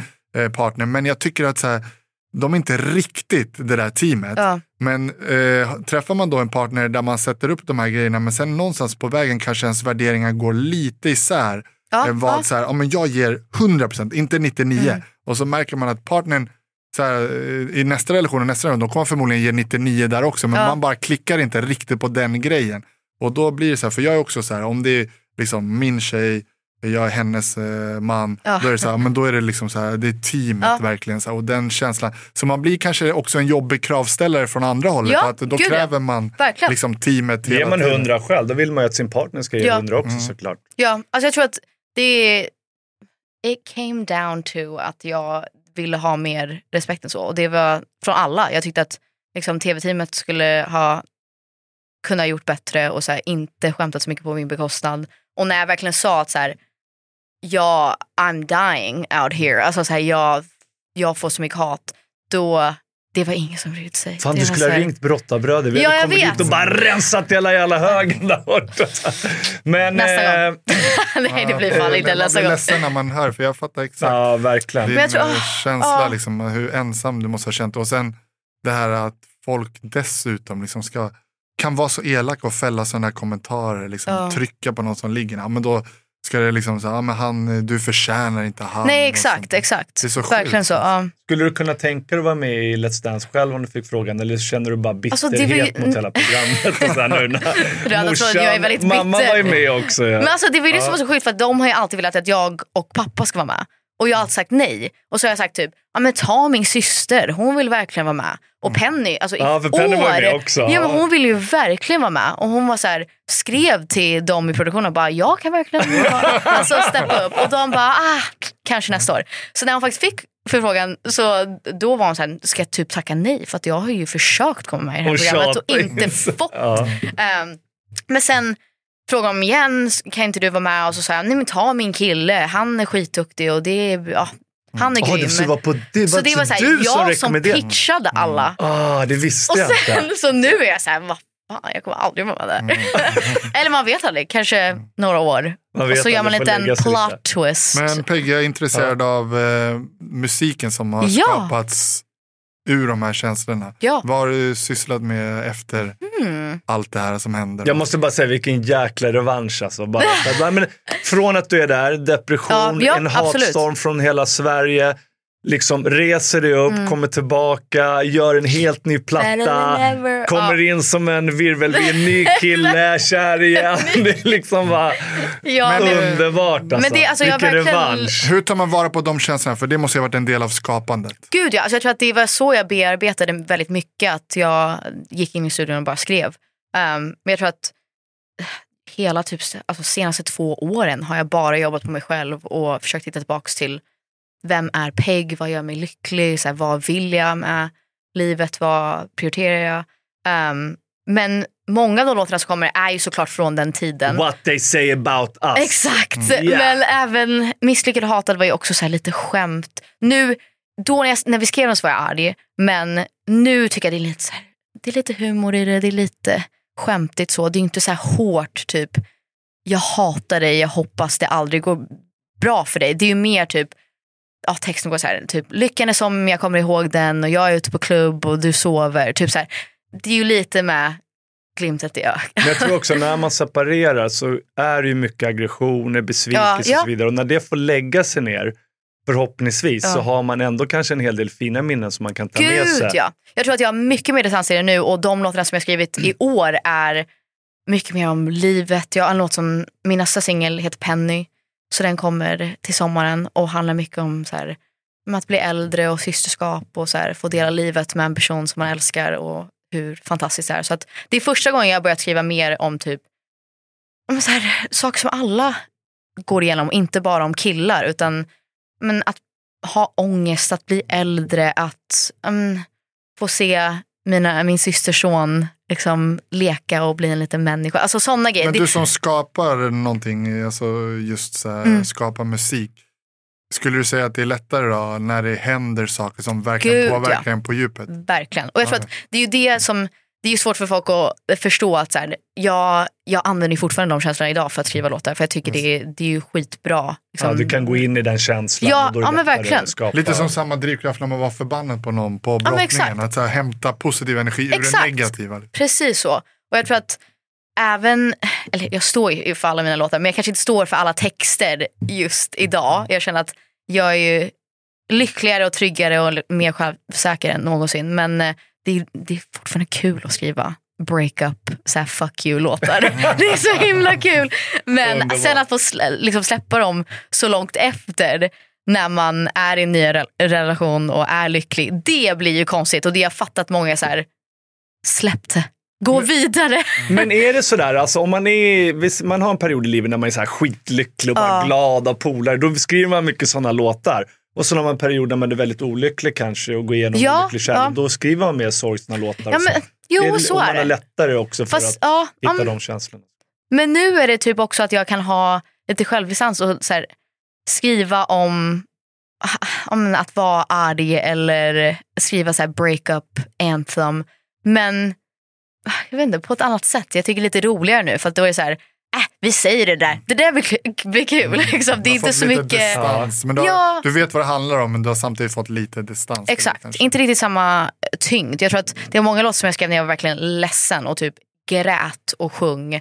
Ehm, och de är ju svåra att lyssna på nu. Samtidigt är de väldigt äkta. Jo, det- verkligen. verkligen. Alltså, jag var ju typ i studion när jag var deprimerad. Så det, det fångar ju verkligen känslan. Men jag tror att det är kul nu att få vara kreativ och leka lite med det. Mer än att liksom känna det så djupt och hårt. Att nu... Är du inne i en ny fas nu när du börjar skriva igen då, nya låtar? Ja, nu ska jag faktiskt börja skriva igen. Vi har typ alla de första låtarna men jag vill ju släppa ett album så att det, det är några sådana Hur känns de teman. nya låtarna? Oh, det känns så kul. Är de bra? Ja.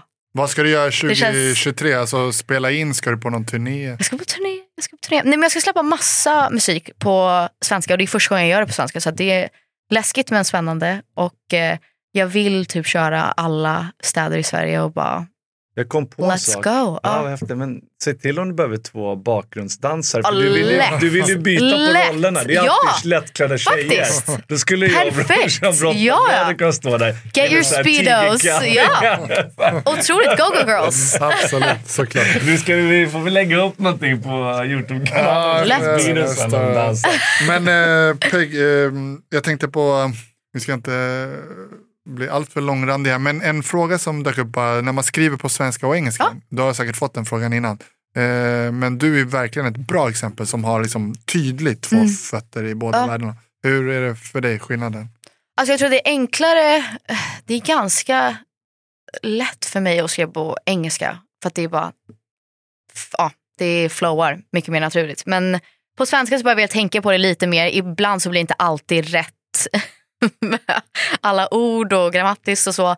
Men eh, jag vet inte, jag tror att svenska språket känns mer naket och intimt. Jag Det tycker man hört lite, ja, men det är någonting konstigt med det. Jag tror att det är för att det är så förknippat med barndomen och liksom alla somrar här och liksom idylliska svenska sommaren och den nostalgin. Så att jag tror att det är, det är någonting att på engelska så går jag ju in i en roll och är så här popstjärna, peg, det är attityd, det är edge. På svenska så blir det att man kommer mig lite närmre. Jag har till exempel aldrig skrivit om alltså, min syster, alltså om att vara barn, alltså sådana grejer. Det är, det är en helt annan, jag vill inte säga att det är helt off från mina amerikanska grejer men det är någonstans mitt emellan att jag har skrivit om saker som jag aldrig har gjort innan och jag är mycket mer sårbar på svenska. Vilken är din älsklingslåt då? Har, du, har du någon sån egen favorit som du älskar, som du har gjort? Som du liksom... Men jag tror ändå, det är, en låt som heter Tears men jag älskar, för att jag älskar att spela den live. Men jag tror The End Um, det är ett outro, den är typ så här 1.30 eller någonting, den är superkort. Och den finns på Eh, Spotify. ja, den finns på Spotify. Um, nu kanske den är väldigt arg, men jag älskar att köra den live för det är sån, ah, det är sån mäktig känsla och bara få får så här, ut, liksom. åh, Ja. och att gå in i den känslan och Jag hade liksom faktiskt minnas en vart jag eh, var. liten Ja, ja, ja. eh, rolig fråga om live-gig och Ja. sådär. För vi har haft några eh, manliga artister. Men eh, när en kvinnlig artist står på scen, Ja. eh, kan det slängas upp liksom så här galna? Har du fått kallingar i huvudet? Nej, alltså jag har fått några så här, jag har fått någon så här, jag minns inte, så här teddybjörn och typ sådana grejer. Men Mm. nej, och lite typ smycken och sånt. Och Okej. lappar och grejer. Men Nej, aldrig någonting det är crazy. Är det groupies sådär, att killar som erbjuder Jo, saker och aha, komma upp och komma nära? Och, som eh, Nej, men vissa... lite kanske. Ja, Det så lite så här, är, vill gå på efterfest typ så. Ja. Uh, så är man så här i Är det Umeå. roligare att vara artist när man är singel? Ja, kanske lite. Lite roligare. Faktiskt. Så jag tror att man är lite mer gränslös då. Att man bara, äh, vi kör. Vi ska, imorgon ska vi dit men eh, Ja. låt oss festa. Parta. Ja, men det Nej, du har ju en ny relation, som är, eller hur? Ja. ja. Jesper. yes, han ja. heter också Jesper. Ja. Mm. Berätta, vad är det för kille? Nej, men han var en snäll och fin kille. Nej, men han är väldigt lugn, eh, väldigt eh, privat bara. Så Ja. Vi har sagt att vi typ går inte på event, vi gör inte röda mattan och sånt. Men eh, han är bara snäll, alltså väldigt godhjärtad och eh, pass, Får man- ja, Han fick eh, köra alla, t- pappa testade ju honom direkt och var så här, all right, eftersom du heter Jesper, nu får du gå fram till alla och presentera dig. Så midsommar var så här första Jag gången. Jesper han är så alltså, himla härlig, gud, med pappa, filmkameran alltså, ja. också. Och ja, Hur träffades midsommar ni då? var... Får man fråga det? Eh, vi träffades på en efterfest faktiskt. Vi hade gem- gemensamma vänner och jag kollade på honom och var så här, han vill jag ha. Klickade det, kände du att det klickade direkt, eller bara Direkt. så här, växte det fram? Nej, direkt. Alltså jag tror att det var också eh, en period i mitt liv där jag kände att jag vill inte träffa någon. Så jag tror att jag var väldigt så här, eh, whatever, vi får se, så här flörtig och bara jag vill liksom inte ha någonting seriöst, jag kanske är singel tills jag är 40, who cares? Typ så. Um, och jag tror det var därför när vi träffades och det kändes som att vi hade känt varandra typ hela livet så blev det så unikt och speciellt. Och det är verkligen så att jag bara, nu hänger vi varje dag resten av livet. Men när vill du skaffa familj då? För jag menar Penny skaffade ju tidigt. Har Hon du kan skaffa åt mig. Har du funderat är- på det någon gång? Så när skulle du ja, själv men vilja ha barn? Har du... faktiskt. Det är klart jag ville ha en familj. Det är bara mer så här, när har jag tid? Men nu är det Sverige och turné här och sen nästa år kanske man släpper ett amerikanskt album och kör turné där. Och jag vet inte, men Karriären Känner du först. dig lite, eh, det där manliga och kvinnliga, att det är lite svårare att göra karriär och Ja. skaffa barn som kvinna? verkligen. Jag känner verkligen att då måste jag ju typ ha ett år där jag inte jobbar nästan. Eller jag kan ju vara i studion men det är tyvärr, det är inte många som vill se en gravid kvinna på scen riktigt på samma sätt. Alltså Men jag tycker det är inte fett men eh, ja, lätt. Alltså, Gud, det har jag aldrig sett. nej eller hur, det är typ såhär Beyoncé någon gång häftigt. tror Ja, jag. Men, eh, Beyoncé, precis. Men eh, det är som du säger att eh, sen är ju såklart eh, rent fysiologiskt så är ju barnet kanske lite Nej, mer exakt, beroende exakt, av mamman verkligen. i början. verkligen så. eh, så att, alltså, jag tänker att jag får bara lösa det och de får hänga Mm. med på turné. Men eh, Ja, men inte jag. än, inte. Jag tänkte lite eh, avslutning. Vi, vi eh, brukar ju prata träning och sådär. Ja. Lite grann sådär. Yes. Eftersom Nej, men jag vi älskar träningsbakgrund och Ja. sådär. Eh, om vi, vi tänkte vi ska komma in på träning alldeles strax. Här, men din relation till din egen kropp har ju Mm. du nämnt en hel del. Den har ju gått liksom upp och ner. Du har haft perioder när du Ja. inte har gillat din kropp och du har haft perioder Gud, när du ja, tycker mer om och accepterar din kropp och så vidare. Ja. Hur är relationen idag? Alltså jag tror att det är bra. Det, jag, tror det, jag tar det dag för dag och känner att jag, det är ju, jag måste ju ständigt jobba på det och tänka på det och verkligen eh, vara snäll mot mig själv och försöka ta hand om mig själv och tänka på mat och träning väldigt logiskt och bara så här, det här måste jag göra ibland, de här, jag måste få i mig all mat och så här, inte lägga någon värdering i det. Men eh, idag mår jag skitbra, men jag tror att jag brukar säga att även om det känns väldigt negativt och hemskt, jag tror inte att man någonsin blir frisk eller liksom älskar sig själv till 100%. Jag hoppas, men eh, jag jobbar på det. Men har du haft någon form av ätstörning? Eller? Ja, jag har ju bulimi, så att jag, Ja. det är ju fortfarande, även om det inte är liksom aktiv bulimi, vad man ska säga, så är det ju fortfarande att det, tankarna finns ju alltid. Ehm, så det måste jag hela tiden jobba på och, och liksom gå i terapi för och försöka jag vet inte, bara så här, eh, typ så här, just keep swimming, så här, ett steg i taget. Det går liksom inte att, om jag tänker på det för mycket då, då blir det så himla problematiskt och mörkt. Vi har ju haft en i vår släkt som drabbades av anorexia då. Ja, det var så. Ja. ibland så går det över till bulimi också då. Nej, ja, ja. Men de får ju ofta en viss relation kanske till mat och till sig själv. De kanske, ja, för vissa kanske blir helt friska, men vissa får ju leva med det här äh, resten av livet. Fast de lär sig förhålla sig till det här ändå, Exakt, så att det inte blir exakt. på ett sjukligt sätt. Känner du att du har hittat de nycklarna idag? Eller att du, Ja men det tror jag. Alltså, jag tror att det är mycket stöd och vara, att vara transparent och liksom öppen med det. För att jag, min familj, liksom, ha, att de har koll på mig och så. Men även terapi. Jag tycker träning har hjälpt mig jättemycket. Sen måste jag vara försiktig med att det inte kliver över och det Mm. får i inte bli för mycket. destruktivt. Nej, Ja. Men jag tror att det, det är som min typ meditation. Att få träna och känna att så här, det här, den, de här 45 minuterna eller en timme, det här är bara för mig själv. Det är för att jag ska känna mig stark, det är för att jag ska svettas. Det är inte någonting ytligt eller någonting att jag ska prestera så, men bara för att jag ska må bra. Så att det har hjälpt mig skitmycket. För det där är en svår balansgång. Vi har ju både fystränare, personliga tränare i botten. Jag och brorsan då, vi har ju vår online-tjänst och så där vi hjälper Mm. människor. Där vill man ju hela tiden, man är orolig för ibland kan det ju vara så att det är vissa klienter som, Ja, för- ja. som har någon form av ätstörning och någonting. Och, och det vill man ju såklart inte vara med och bidra till medan man Nej, vill kunna ja. hjälpa människor att få en bättre hälsa och Verkligen. träna och må bra. Och sen är det så paradoxalt det där att om man tänker så här, om jag ställer mig i spegeln och så säger jag så här att eh, ja, men jag trivs inte om jag har gått upp eh, tre kilo runt Nej, magen. exakt, ja. eh, och så här, men samtidigt så kan ju inte jag stå där och eh, eh, slänga ut ett budskap om att så här, men har du den här magen, då ska du inte trivas med dig själv. Nej, precis, det, precis, Det, men ja. någonstans så måste man ju ändå vara ärlig och säga så här att men här, jag trivs inte Nej, om nej. jag eh, ser ut på det här sättet. Och eh, det är hela tiden den här balansgången. att så här, Men så länge det är liksom en själv och det inte bottnar för mycket i vad någon annan tycker och sjuka eh, ja, men, eh, liksom mallar av hur Mm. man ska vara. Eh, men det är ju väldigt svårt också att säga så här att ja, men, supersvårt, eh, jag trivs med mig själv eh, när jag inte har tränat på tre månader och gått upp tio Nej, kilo. ja, ja. Nej, Jag Nej, men jag trivs inte med mig ja. själv då. Mm. Så, men det är svårt Mm. där och man vågar inte riktigt svårt. prata om liksom båda delarna för att man rör sig hela tiden i ett gränsland mellan Ja, att så här, ja. ja. men Peg du verkar vara fixerad vid din kropp eller Jimmy, Exakt. du verkar, Ja, ja. men ja. Men hur tränar du då när du tränar? Vad är det liksom, kör du, springer du eller kör du styrketräning, Alltså- låg eller högintensivt eller vad är det? Nu har jag kört mycket, alltså jag kör mycket så pilates och megaformer. Ja. Och det är ju high intensity, low impact, säger man. Men nu senaste tiden så har jag börjat köra lite mer så här hit, typ sprintar och styrketräning och sånt. Men eh, jag tycker om mycket när det är både Alltså jag tycker inte om yoga, men megaformer är lite så att det är så här kombinerat att man ändå kör med eh, vikter och så. Men också att det är mycket så här rörlighet och, och sånt där. Mm, Så att- kombinationen där. ja. Ja. Jag kör lite allt möjligt. du vet ju om att vi tränar ju Douglas med Jag vet. tennisman. Blir- är det jag som är- Precis det. Next up. Ska du inte hänga på någon gång och köra ett Alltså pass? vi där? kör, Ja, lätt faktiskt. Du såg. Men han och jag vi är lite, vi har samma hjärna. Jag tror att vi, Vinnarskallar, ja, alltså jag tror att vi kommer bli galna. Så att, Ja, jag men vet inte om på jag någon, det vågar. vore jätteroligt. Det är bara att hänga på för att du är alltid välkommen. Vi kör det. Så, vi det.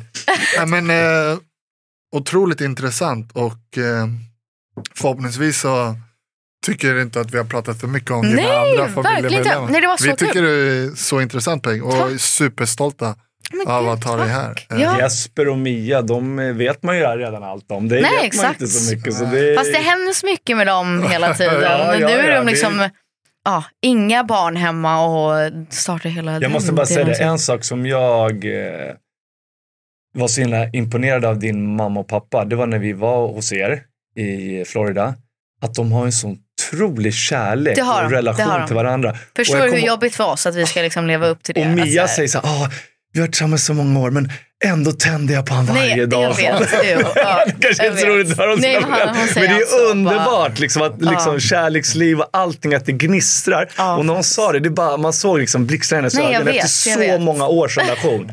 Det är jättehärligt alltså. Ja, det är fint. Det fint. Livslång kärlek verkligen. Ja, fantastiskt. Men tack för att jag fick vara med. Ja, tack så jättemycket. Tack kul. Peg och tack för att du var så öppen och Men berättade och God. avslöjade saker som du inte har Alltså, sagt någonstans Ja, det här är verkligen förut. så här premiär, ja, Ja. var debut. Ja, men det är fantastiskt. Ibland behöver man öppna upp sig. Och Ja. jag menar, det finns alltid, sen kan man tänka sig också, det finns alltid två bilder av allting, men man måste alltid vara ärlig med sin bild Verkligen. och våga stå för den. Det här var Ja, min upplevelse. gud, ja. Det är som när vi skrev vår bok. Då var det många som sa så här, ja men ni outar eran pappa, för det handlar mycket om pappa Just då, det, som ja. var eh, spelmissbrukare och drev massa svarta spelklubbar. där. Okej, men ja. eh, vi sa ju så här, men det här är ju vår Eran story. sanning. Ja, det är verkligen. sanning. Och den måste ut för att vi kan hjälpa andra som sitter i liknande Gud ja. Jag tror att exakt som det vi sa idag, att så, här, så länge man är autentisk. Glöm inte att prenumerera, följa, likea. Brottabröder podcast.